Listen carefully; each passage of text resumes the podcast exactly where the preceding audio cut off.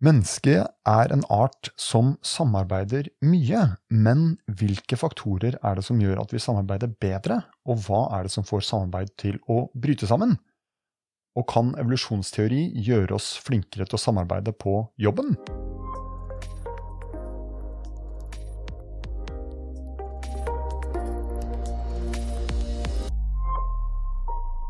Velkommen til Vold, sex og gener. Jeg heter Kyrre Vatne, og med meg har jeg Tom Martin Austad, atferdsbiolog. Jens Andreas Huseby, eh, også atferdsbiolog. Håvard Engdahl, arkeolog og biolog. I dag er det altså arbeidslivsspalten i eh, Vold, sex og gener eh, som gjelder. Um, samarbeid på jobb det er jo eh, et evig aktuelt eh, tema. Du Jens, du jobber jo med Som en del av din jobb så hjelper du store bedrifter med hvordan de kan få sine folk til å samarbeide bedre. Ja.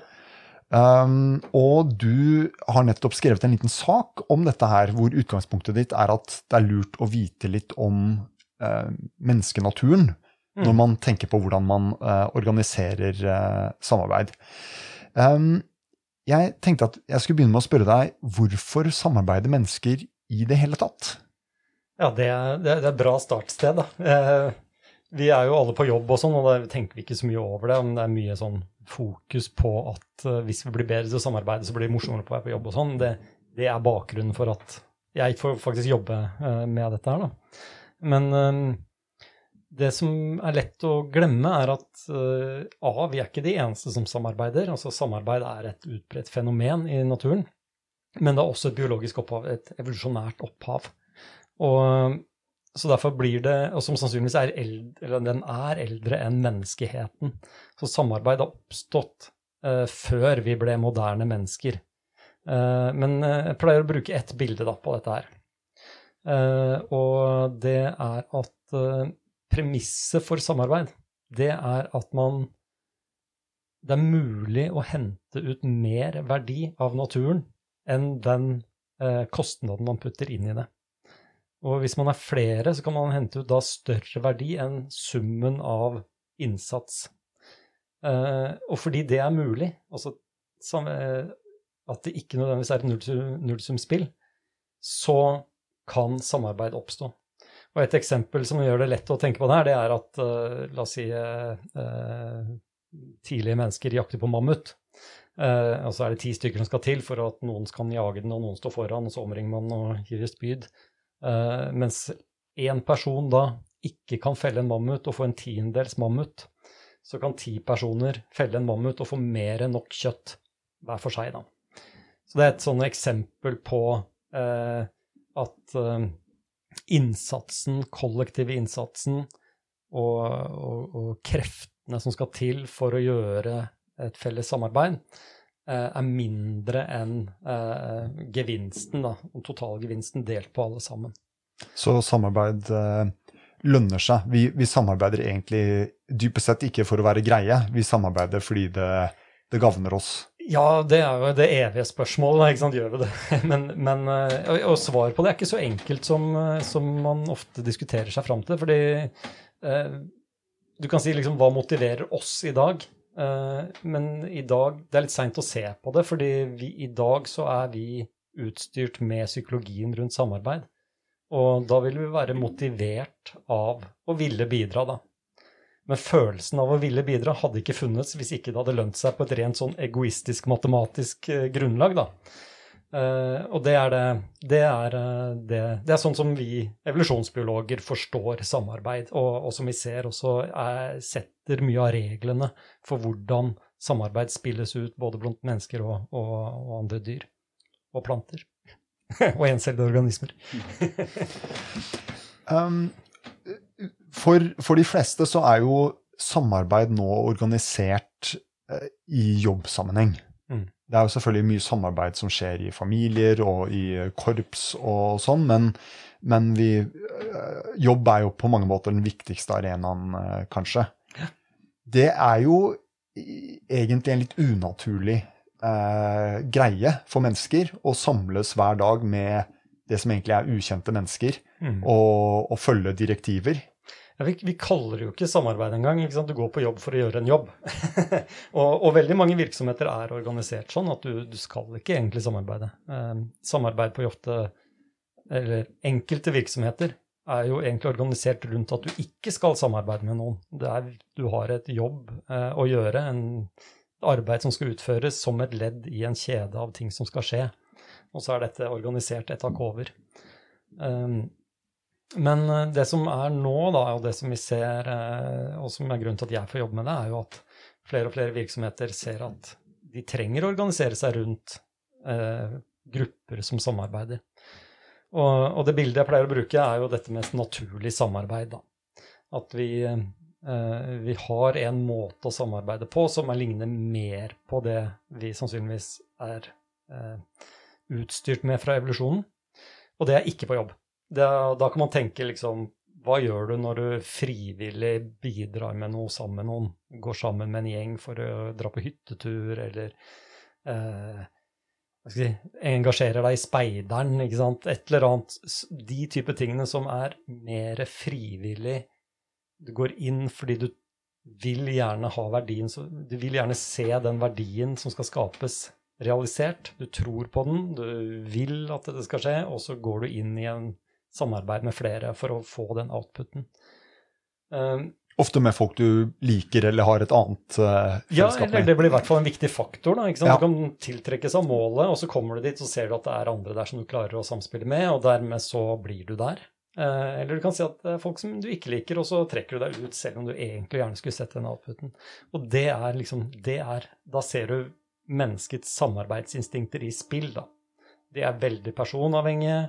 Det er eh, eh, basert på at man ønsker en verdi ut som man tror på. Eh, det bryter veldig fort sammen. Eh, folk eh, går inn i samarbeidet, og så trekker de seg ut. Det er mer sånn, litt sånn flyktige grupper rundt et eh, mål som altså, uten å, Det blir fort en just so story, men liksom bare tenke deg at du trenger å gå på jakt sammen. Så går, finner man seg en gjeng som er sultne eller vil det samme eller mener de har noe å bidra med, og så drar man bare. Og så er det det man gjør en stund, og så kommer man tilbake en, eller gir opp eller et eller annet sånt, og så trekker man seg og vil ikke mer. Um, eller andre formål da, som man ser at her, her, skal vi bidra, her skal vi gjøre noe sammen. Så det tenker jeg, det, det er liksom det er den naturlige samarbeidsmåten vår, og vi, vi Det er ikke nødvendigvis det vi gjør på jobb, da. Eh, så det, det, er litt sånn problemet. Eh, vi har én måte å, å, samarbeide på, og vi, eh, vi, drar på jobb og gjør det ikke alltid sånn. Og heldigvis og, og uheldigvis. Da. Og hvis, hvis, dette, hvis, på en måte dugnader eller, eller syklubber er vår naturlige samarbeidsform, ja. hva, hvilke på en måte, hvilke, eh, Når vi organiserer samarbeid i jobbsammenheng, mm. hva, hva, er det vi bør lære av den naturlige måten å organisere samarbeid på? Det, dette er jo et kjempestort tema som handler om hvordan organisere en virksomhet. og sånt, og det, det kan vi godt snakke mye om etter hvert. Men eh, jeg tror en ting som treffer meg da i min jobbsammenheng, er at eh, store, etablerte virksomheter som trenger å bli mer innovative, de er sårbare for at eh, små startups tar levebrødet deres, mer eller mindre. Og kjennetegn til små startups er at det er der har du det naturlige samarbeidet. Det er en liten gjeng som har funnet sammen, klarer å skape enorm verdi veldig fort. Eh, godt samhold, eierskap til det de driver med, eh, og beveger seg veldig mye raskere enn disse store selskapene. Eh, og og det man har som respons, det er jo selvfølgelig å organisere seg etter mange av disse prinsippene. Og da får du to effekter. Da. Det ene er jo at du kan rekruttere folk som gjerne vil jobbe på den måten. Syns det er veldig hyggelig å jobbe sammen med bra, flinke folk som man blir glad i og venner med. Det er jo igjen psykologien vår. Det er vennskap og, eh, og positivt eierskap. Eh, så, så, man får liksom rekruttert dem. Du mister dem ikke, gode medarbeidere, men du får også outputen. Den gode, ekstra innsatsen. Folk bryr seg om det de lager. De vil se at dette her fører til en bedre brukeropplevelse eller mer verdiskapt, eller hva nå enn man driver med. Så, så mange virksomheter har skjønt det. Vi må liksom skape mer samarbeid i små grupper eh, på virksomheten vår av strategiske årsaker. Da. Og, og lykkes de med det? Ja, er, og her kommer jeg inn. ikke før de har snakket med deg.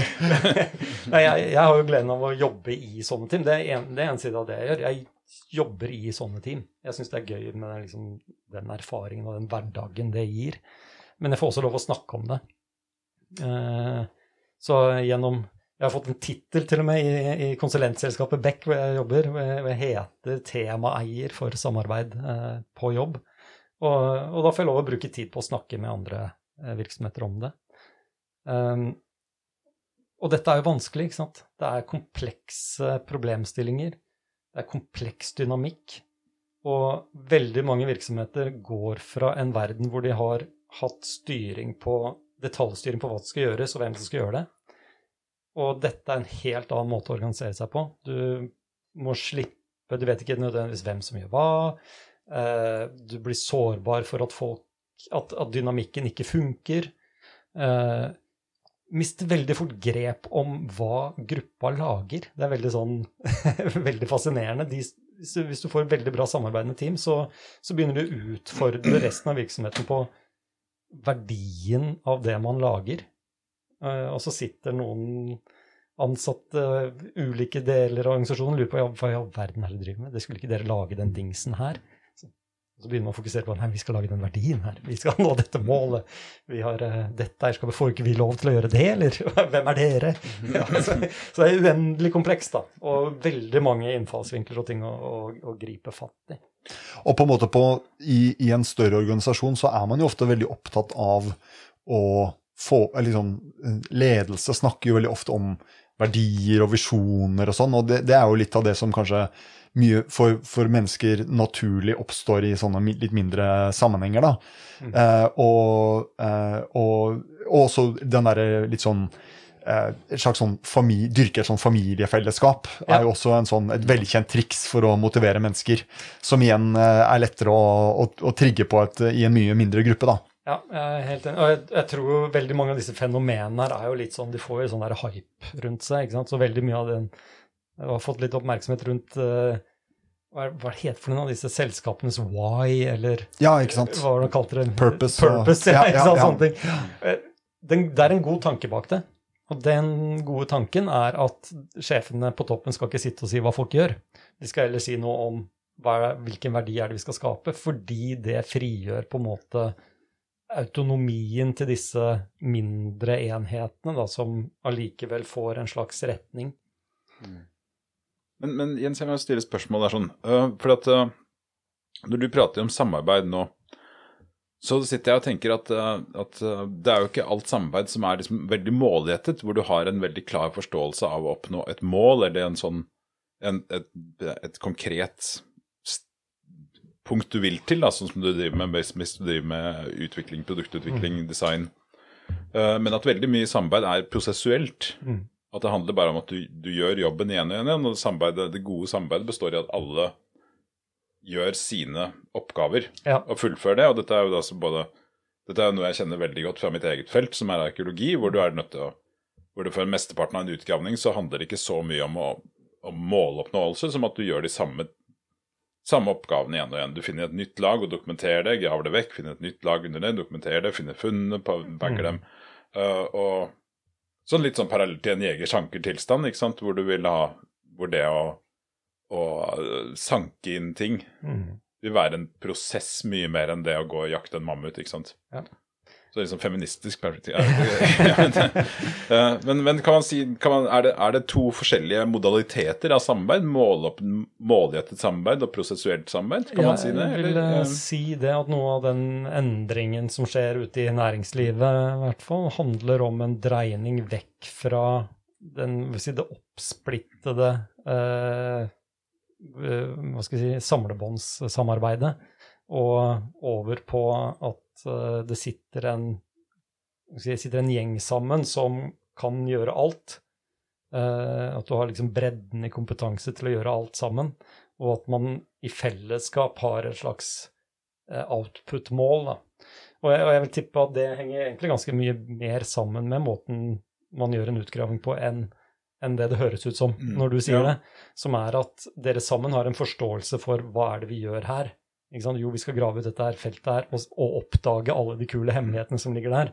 Eh, og det er viktig fordi det gir oss en bedre forståelse av eh, fortiden vår. Ikke alle alle syns det er gøy å finne noe. Alle syns det er gøy med outputen av, eh, av arbeidet. Forhåpentligvis, da. Mm, ja.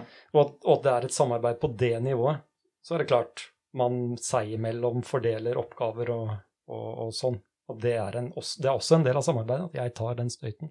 Hvis en, en av Hvis graveren da, på teamet ditt ikke var der en dag, Mm. så hadde noen andre tatt spaden. ja, det gjør alle, da. Så, Ja, ja, ok. Men det er det, ja, mm, men det er poenget mitt, da. At ja. eh, med en gang du har en sånn følelse i en, i en gruppe, at, de, eh, at man fyller hverandre litt ut, selv om det er en sånn grov eh, fordeling av arbeidet. Ja. Så Og så er det en felles forståelse av alt som må gjøres. Situasjonsforståelse og, og, og sånn. Da har du et samarbeid, da. Tenker jeg. Så for å oppsummere litt, da, så liksom mindre team, autonomi eh, er kanskje to stikkord. Ja. Er det andre ting du vil trekke fram? Ja, så jeg, sånn som jeg ser på det, så gjør man veldig mye riktig. Eh, du har eh, veldig mye mm, det, er, en bevegelse nå i arbeidslivet som er ganske empirisk drevet. Man vet hva som funker, ikke funker. Eh, som stemmer veldig bra med, med min evolusjonsteoretiske bakgrunn. Og det tenker jeg det er et hovedpoeng. At man oppdager nå veldig mye ting som er som jeg også har sett i, i studier av matematisk modellert eh, strategier for samarbeid. Da. Eh, kan ta ett eksempel. Eh, sikkert mange som har hørt om The Two Pizza Team. Eh, det var eh, Det tror jeg Amazon som kom Mm. fram til det. At uh, du skal ikke ha et team som er større enn en at du kan mette alle sammen med to pizzaer. Eh, og, og du finner masse eksempel, eller mange studier, matematisk modellering av relasjoner mellom antall personer i en samarbeidende gruppe, hvor du ser at eh, La oss si det er en viss prosent med støy eller sjanse for at noen sniker seg unna i hver, eh, og dermed blir en freerider, som da man gjør at man trekker seg fra samarbeidet, så kan en sånn gruppe være opptil så og så stor før samarbeidet bryter sammen pga. mistanke om freeriding. Eh, For du kan, du kan stikke deg bort hvis det bare blir mange nok. ja, eller du kan, alle kan ikke ha oversikt over hva alle gjør. ikke sant? Så da blir det en mistanke om at en person her borte alltid driver og stikker seg unna. Dermed så vil alle trekke seg. Det har man modellert rent eh, matematisk, eh, statistisk, og funnet også strategier som vi bruker for å uh, unngå det. De modellene tilsvarer at man kan være maks ti personer i en gruppe før, uh, før det begynner å bryte sammen. Da blir det lite pizza på hver. Altså. Da blir det er enig. Det Det er ingen som snakker om pizzastørrelsen i det. Eller når på dagen. Ja. Nei, men jeg, jeg tenker det er, det er noen sånne ting her da, hvor man i hovedsak vet Altså oppdager ting som også stemmer overens. Selvfølgelig gjør det det, for man, det er jo bevi- bevi- beviselig riktig. Men, men det er også elementer av at man ikke forstår ting fordi eh, Altså i jobbsammenheng, men som jeg syns gir ordentlig god mening, da. Og så er det enkelte ting som gjør at jeg tror at ting skjer fordi jeg har evolusjonsbakgrunn, at de har en sammenheng med det som skjer i teamet, som eh, ikke nødvendigvis virksomhetene ser, da. At, eh, at det er en sammenheng. Nettopp. Men vi er jo, som eh, alle produkter av eh, evolusjon, så er vi jo eh, både gode og onde. Uh, vi, uh, vi Det er jo uh, eh, Menneskesamarbeid er jo ganske skjørt, du var inne på det i stad også. Mm. Hva er det som er, hva er måte, hva er de viktigste sånn, eh, tingene vi kan lære der, eh, med tanke på å, eh, å, å hindre at samarbeid bryter sammen? Du snakket litt om juksing. Ja, det er jo også bare for å ta det rent matematisk modellering av samarbeid, så er det jo veldig enkle saker. Det er juks, sårbarhet for juks. Hvis noen jukser, så gjør det Det setter hele fra- framtidige verdien på spill, og du risikerer å bidra med masse uten at du får, noe, uten at du får den gevinsten. Da. Du risikerer å være den ene jegeren som går fram med spydet mot mammuten, mens de andre går tilbake, og da blir ikke mammut på deg, du blir, eh, du blir, du blir jord. Så det, det, det er en grunn til at folk vil trekke seg eh, instinktivt fra samarbeid. En annen ting er eh, eh, veldig interessant sånn derre eh, sluttspilleffekt, som er egentlig en sånn derre Det ble oppdaget nesten som en sånn derre matematisk eh, fenomen, da. Det rasjonaliteten i spillteori tilsier at ja, du skal samarbeide, eller det Rasjonaliteten tilsier først du skal aldri samarbeide. Og så har man gjennom eh, simuleringer oppdaget at jo, du trenger å samarbeide. Eller det lønner seg. Evolusjonen vil belønne at man samarbeider på visse betingelser over tid. Og så har man oppdaget at men i siste runde så skal du trekke deg. Og eh, den strategien om at liksom, ja, i siste runde når samarbeid ikke skal fortsette, så er det lurt å trekke seg. Dermed så blir det lurt å trekke seg i runden før. Dermed, og siden det skjer, så blir det lurt å trekke seg i runden før det igjen. Og tilpasningen til det, det er jo at hvis jeg vet at samarbeidet her og den gruppa her som jeg samarbeider med, kommer til å ta slutt på det tidspunktet der, så bør jeg trekke meg nå. Eh, og det er jo veldig interessant i jobbsammenheng, hvor man vet Altså, man må holde stille når noen skal slutte. Eh, man behandler folk som skal slutte, litt mer varsomt, for de kommer til å trekke seg fra Altså, de kommer ikke til å yte like mye. Og det får påvirkning på resten av teamet. Eh, prosjekter som har en sånn sluttdato, det må man ikke helst ikke snakke så veldig høyt om. Det er en del sånne ting som man bare vet som eh, virksomhet fordi man har lært det over tid og har erfaring med det, men, men det gir jo skikkelig mening. Altså, Everything makes uh, Hva heter det? Everything makes sense in the light of evolution. En, en annen ting som vi må passe på, som vi atferdsbiologer vet om, som kanskje ikke andre, er at, at det kan fungere for bra i, et, i en gruppe. I hvert fall eh, hvis, innad i en bedrift der det kan skape utgrupper. Ja, det har, du, det har jo du skrevet mye om. Og, Eh, ja, ja, stemmer det. Vi, vi snakka litt om det her på forrige, i forrige episode. Men uh, vi har den tendensen da til å Får vi en god uh, klikk med en gruppe, så har vi danna en definisjon for en utgruppe. mm, Og det motiverer oss kanskje veldig til å samarbeide. Men hvis du er i en større bedrift, så vil du fort skape fiender innad i den bedriften. Eh, ja, har du noe mer å si på det? Ja, nei, det, jeg syns det er utrolig fascinerende, fordi vi, vi no, Noen virksomheter blir jo skikkelig gode på å lage god stemning innad i teamet. Og, og sett fra vårt perspektiv, da, så, så har jo det alltid den effekten at du får en utgruppe. Uh, og så kan man tenke nei, det er ikke alle som har sånn, men, men det er jo rent biokjemisk. Det er det samme hormonet som du da eh, si, får en økning av, det gjør deg aggressiv mot utgruppa. Så og, og en flipp da, på dette her, det er jo at um, en ting som kan få et team til å yte bedre, er å ha en tydelig ytre fiende. Eh, og der tenker jeg mange kjenner seg igjen i at det er veldig lite som skal til på jobb, selv om du jobber i team eller uavhengig av om du jobber i team, at man ofte snakker eller har en eller annen person eller avdeling eller rolle et annet sted i organisasjonen som man ser på som en trussel på det man holder på å lage. Kanskje ikke en trussel, fysisk trussel mot seg selv, men, men mot det man selv, den verdien man selv holder på å produsere. Det, det interessante med det er at det, det vet man øker innsatsen. Det er en veldig positiv effekt på lokalt inni den gruppa, det man selv holder på med. Da kan, det, liksom, det kan få folk til å sitte oppe på, i helgene og på kvelden og jobbe med Veldig positivt for arbeidsgiver at du liksom yter der, men også veldig negativt fordi faren her er jo at man motarbeider det som er den totale outputen i virksomheten. Da? Hvis du har en utgruppe som egentlig også er en del av virksomheten, så får du plutselig en sånn negativ effekt. da. Så, så ledelsen bør egentlig strategisk eh, skape en ytre fiende utafor bedriften. Ja, det, hadde vært, det er veldig mye bedre. og jeg, jeg nei, nei, vet du, nå, nå fikk jeg en utrolig god idé. Man kan da opprette en avdeling som bare er fullstendig håpløse og ikke har noen funksjon i det hele tatt. Som kun egentlig er der for at folk skal ha en utgruppe å hate. Så ansetter du en haug med NOx-akter der sånn, og gir dem altfor mye lønn. Men Ja.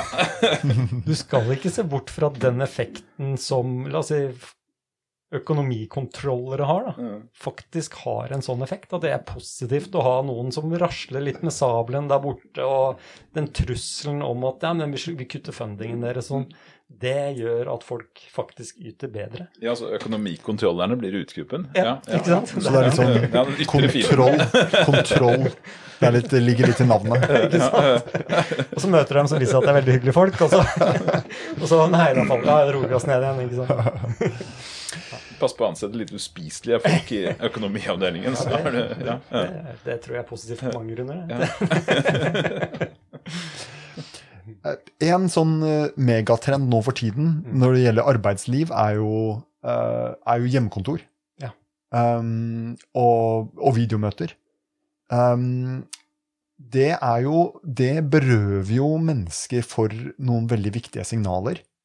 Uh, plutselig så sitter vi ikke i samme rom og har ikke helt den samme typen eh, input fra kollegaene. Hva, hva tenker du, Hvilke konsekvenser kan det ha for, for samarbeid? Tror det er en større hit. Altså det, det har større effekt og negativ effekt enn det man har egentlig sett. da.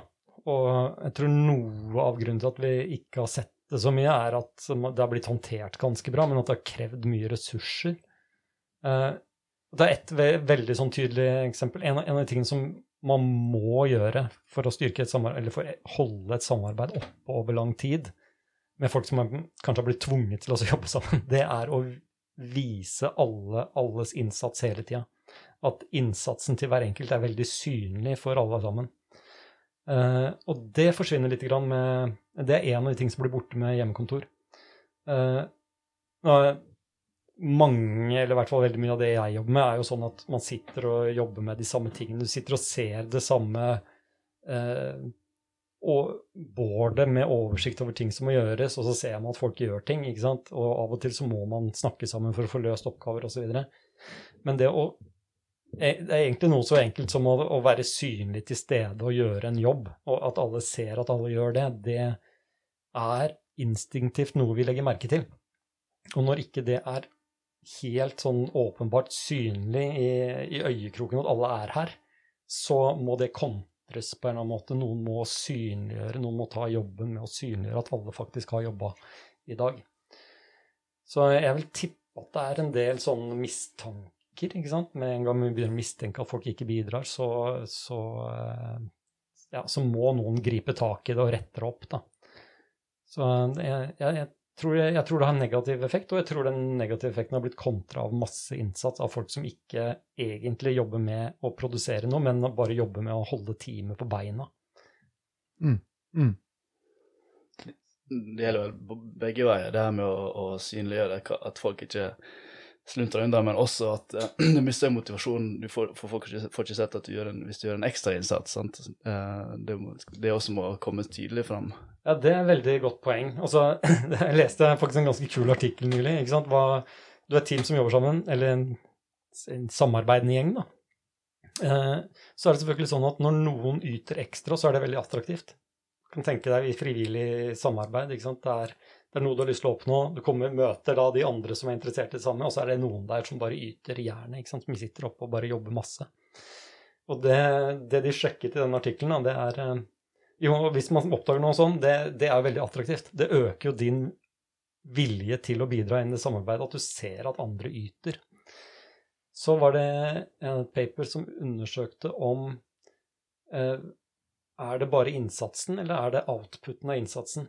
Er det sånn at timene noen har satt inn i arbeidet som eh, gjør at du har lyst til å samarbeide med dem, eller er det kvaliteten på det de har lagd som gjør at du har lyst til å bidra? Og det var ganske sånn åpenbart eh, resultat da, at det er faktisk timene. Der arbeidsinnsatsen, svetten, da, som du snakket om, Mm. det tunge jobben, den fanger vi instinktivt opp. Mm. som et positivt signal som gjør at vi, har, vi kan også bidra mye. Ja, Da er du på det prosessuelle samarbeidet Mm. igjen, da. ikke sant? Hvor du bare måler hvor mange timer. Ja, og det mm. kan faktisk funke. Det gir mening. Det, I det eksempelet jeg får sette på spissen, så ville det vært sånn at en som har en gravemaskin som gjør det fort, eh, har egentlig ikke lagt inn like mye arbeid som en som har En som står og Spar- spar på helt feil sted. Ja, ja, ja. Og, det, og han som sparer på helt feil sted, er instinktivt den vi heller vil samarbeide med. Ja. Så det gjelder å ikke være effektiv, da, egentlig. Nei, du må, ja, ja, Kan gjerne være effektiv, men det er ikke det som er Ja, men det, ikke sant? det, det her syns jeg er dritspennende, fordi det sier noe om den mismatchen da, mellom vår evolverte psykologi rundt samarbeid og det vi faktisk prøver å gjøre på jobb. hvor du har masse, Det er masse ressurser som pøses på for å få det her til å bli bedre. Og så har man masse teorier og masse verktøy og sånn som treffer sånn halvveis. Uh, og så sitter da disse hu- huleboermenneskene og oppfører Ja, seg. ja, men det er jo kanskje liksom, Du kan jo kanskje bryte ned til liksom to, to prosesser her. sånn, at eh, du har, eh, På den ene siden så har du det at du får, en, du får høyere status og, og får, en, får belønning for å gjøre den ekstra innsatsen. Men på den andre siden så er det det at alle egentlig passer på at alle gjør sin minimumsinnsats. Ja. Som er, en, som er egentlig en annen, en annen prosess, da, den sosiale kontrollen alle fører med hverandre. Ja. Jeg har tenkt på det at er at du kan være Hvis noen begynner systematisk å snike seg unna plikter, eller gjøre litt mindre enn de andre, så skal det veldig, veldig veldig, veldig lite til før det oppdages, og det skaper bitterhet og negativitet. Jeg, I min erfaring så er det ikke nødvendigvis sånn at de andre i teamet gjør noe mindre innsats av det. Men, eh, men eh, det skaper bitterhet, og jeg tror det fører til mindre, mindre oppslutning om prosjektet som helhet. Mm. At du opplever det på den måten. der, er sånn Du tenker bedre at du skal i hvert fall, du skal i hvert fall gjøre sin jobb, Ja. men fuck resten, liksom. Ja, de, de Ja, ikke sant. Jeg, jeg tror det er begynnelsen på å trekke seg fra det.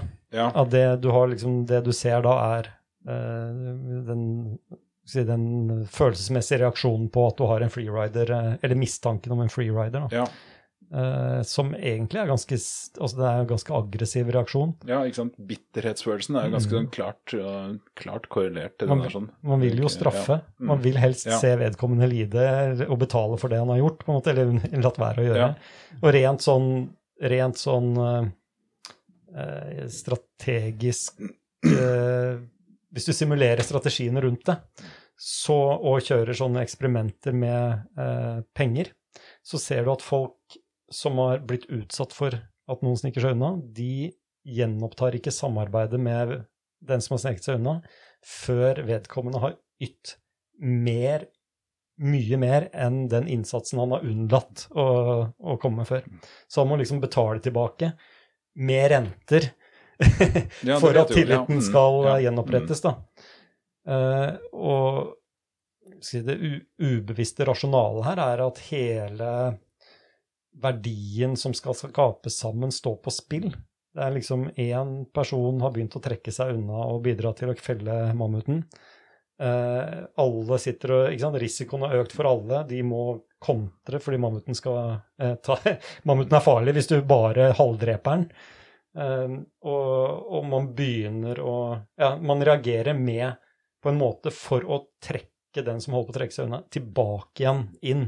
Med trusselen om straff, Mm. hvis du ikke kommer deg inn i, inn i folden igjen. da. Så det tror jeg det, tror jeg det du ser der. At, Ja, at man ser Ja, den der, mm. ja, for dette er jo en ting som jeg tror veldig mange har opplevd i arkeologi. Da, for at i arkeologi er det jo et mye hardt fysisk arbeid, og det er veldig mye som foregår med spade. mm. Og hvis du står og spar og spar og spar, og spar, og så opplever du at noen på laget ditt da bare sitter og putler og krafser i bakken i et hjørne med en liten graveskje, og aldri, aldri tar et eneste spadetak, så, eh, så blir man jo bitter. Kan det bli stygt Ja, hvis ja. man spade i hånden? Det er et jækla interessant eksempel, for man skal jo sitte med en sånn børst av og til med en liten skje. og Ja, sånn. men det er så veldig, veldig veldig, veldig sjeldent. Så det er jo egentlig det som er de mest interessante tingene du kan drive med. Men du er nødt til å spa deg fram dit. Hadde vært interessant å... Det er så jævlig mange kubikk som du ikke får flyttet med den der graveskjeen. Det hadde vært interessant som bare sånn oppfølging av den andre studien. Da, liksom bare se i et sånt team blir spadetaken som bare er manual effort, eh, verdsatt høyere enn å sitte med spa, den skjeen.